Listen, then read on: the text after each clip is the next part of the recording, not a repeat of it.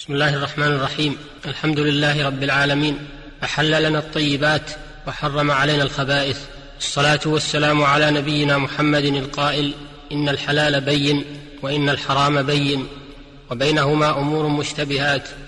لا يعلمهن كثير من الناس. فمن اتقى الشبهات فقد استبرأ لدينه وعرضه. ومن وقع في الشبهات وقع في الحرام كالراعي يرعى حول الحماء يوشك أن يقع فيه. وبعد أيها الإخوة المستمعون السلام عليكم ورحمة الله وبركاته.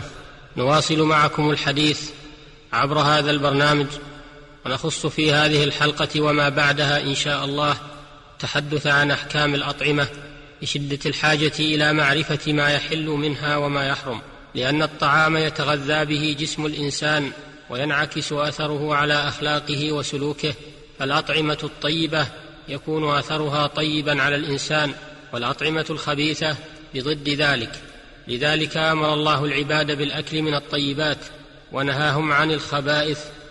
قال تعالى يا أيها الناس كلوا مما في الأرض حلالا طيبا. وقال تعالى يا أيها الذين آمنوا كلوا من طيبات ما رزقناكم واشكروا لله إن كنتم إياه تعبدون. وقال تعالى يا أيها الرسل كلوا من الطيبات واعملوا صالحا. وقال تعالى قل من حرم زينة الله التي أخرج لعباده والطيبات من الرزق والأطعمة جمع طعام وهو ما يؤكل ويشرب والأصل فيها الحل لقوله تعالى هو الذي خلق لكم ما في الأرض جميعا وغيره من نصوص الكتاب والسنة التي تدل على أن الأصل في العطعمه الحل إلا ما استثني بنصوص أخرى قال شيخ الإسلام ابن تيمية رحمه الله الأصل فيها الحل لمسلم عمل صالحا لأن الله تعالى إنما أحل الطيبات لمن يستعين بها على طاعته لا على معصيته لقوله تعالى ليس على الذين آمنوا وعملوا الصالحات جناح فيما طعموا ولهذا لا يجوز أن يستعان بالمباح على المعصية كمن يعطي اللحم والخبز من يشرب عليه الخمر ويستعين به على الفواحش. ومن أكل الطيبات ولم يشكر فمذموم. قال تعالى ثم لتسألن يومئذ عن النعيم. أي عن الشكر عليه. انتهى كلامه رحمه الله.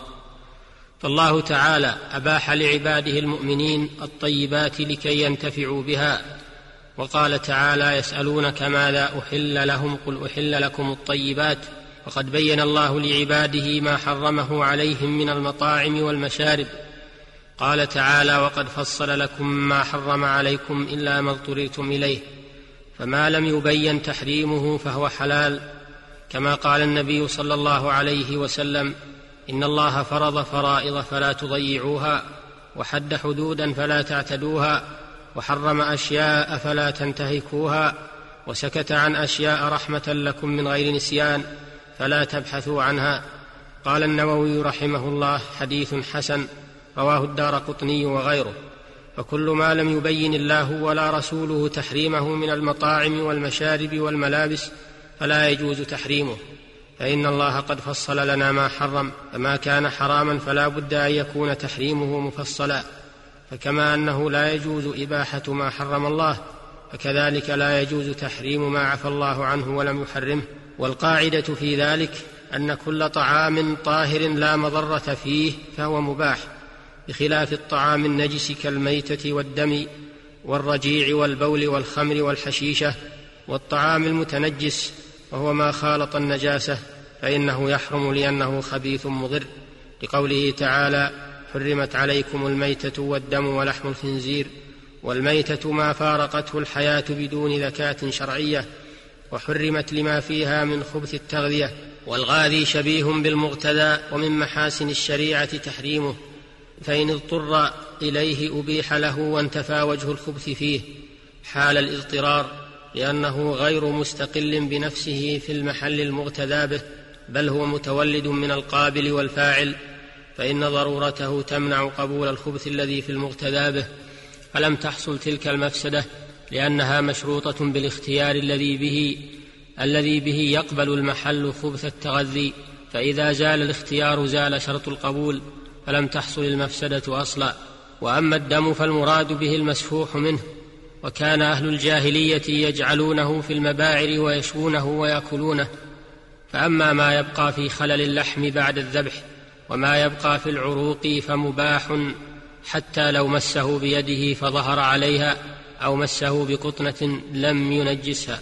قال شيخ الإسلام ابن تيمية رحمه الله الصحيح أن ما يحرم الدم المسفوح المصبوب المفراق فأما ما يبقى في عروق اللحم فلم يحرمه أحد من العلماء انتهى ولا يحل من الأطعمة ما فيه مضرة كالسم والخمر والحشيشة والدخان التبغ لقوله تعالى ولا تلقوا بأيديكم إلى التهلكة فالآية الكريمة تدل على تحريم أكل أو شرب كل ما فيه مضرة. مع أدلة أخرى تدل على تحريم الأطعمة والأشربة الضارة للعقول والأبدان والأطعمة المباحة على نوعين حيوانات ونباتات كالحبوب والثمار فيباح منها كل ما لا مضرة فيه والحيوانات على نوعين حيوانات تعيش في البر وحيوانات تعيش في البحر فحيوانات البر مباحة إلا انواعا منها حرمها الشارع. ومن ذلك اولا الحمر الأهلية لحديث جابر رضي الله عنه أن النبي صلى الله عليه وسلم نهى يوم خيبر عن لحوم الحمر الأهلية وأذن في لحوم الخيل متفق عليه. قال ابن المنذر لا خلاف بين أهل العلم اليوم في تحريمها. ثانيا يحرم من حيوانات البر ما له ناب يفترس به. لقول أبي ثعلبة الخشني لقول أبي ثعلبة الخشني رضي الله عنه نهى رسول الله صلى الله عليه وسلم عن كل ذي ناب من السباع متفق عليه ويستثنى من ذلك الضبع فيحل لحديث جابر أمرنا رسول الله صلى الله عليه وسلم بأكل الضبع. قال العلامة ابن القيم رحمه الله إنما حرم ما له ناب من السباع العادية بطبعها كالأسد وأما الضبع فإنما وأما الضبع فإنما فيها أحد الوصفين وهو كونها وهو كونها ذات ناب وهو كونها ذات ناب وليست من السباع العادية. والسبع إنما حرم لما فيه من القوة السبعية التي تورث للمغتدي بها شبها. ولا تعد الضبع من السباع العادية لا لغة ولا عرفا انتهى. والطيور مباحة إلا ما استثني فيحرم ما له مخلب من الطير يصيد به وهو الظفر والمراد, والمراد بالمخلب الظفر الذي يصيد به الحيوانات كالعقاب والبازي والصقر والشاهين. لقول ابن عباس نهى رسول الله صلى الله عليه وسلم عن كل ذي ناب من السباع وعن كل ذي مخلب من الطيور. رواه أبو داود وغيره. قال الإمام ابن القيم رحمه الله وقد تواترت الآثار عن النبي صلى الله عليه وسلم بالنهي عن كل ذي ناب من السباع وكل ذي مخلب من الطير. وصحت صحة لا مطعن فيها من حديث علي وابن عباس وأبي هريرة انتهى. ويحرم من الطيور أيضا ما يأكل الجيف كالنسر والرخم والغراب وذلك لخبث ما يرتدي به. أيها المستمع الكريم إلى الحلقة القادمة بإذن الله لمواصلة الحديث في هذا الموضوع. السلام عليكم ورحمة الله وبركاته. والحمد لله رب العالمين وصلى الله وسلم على نبينا محمد وآله وصحبه.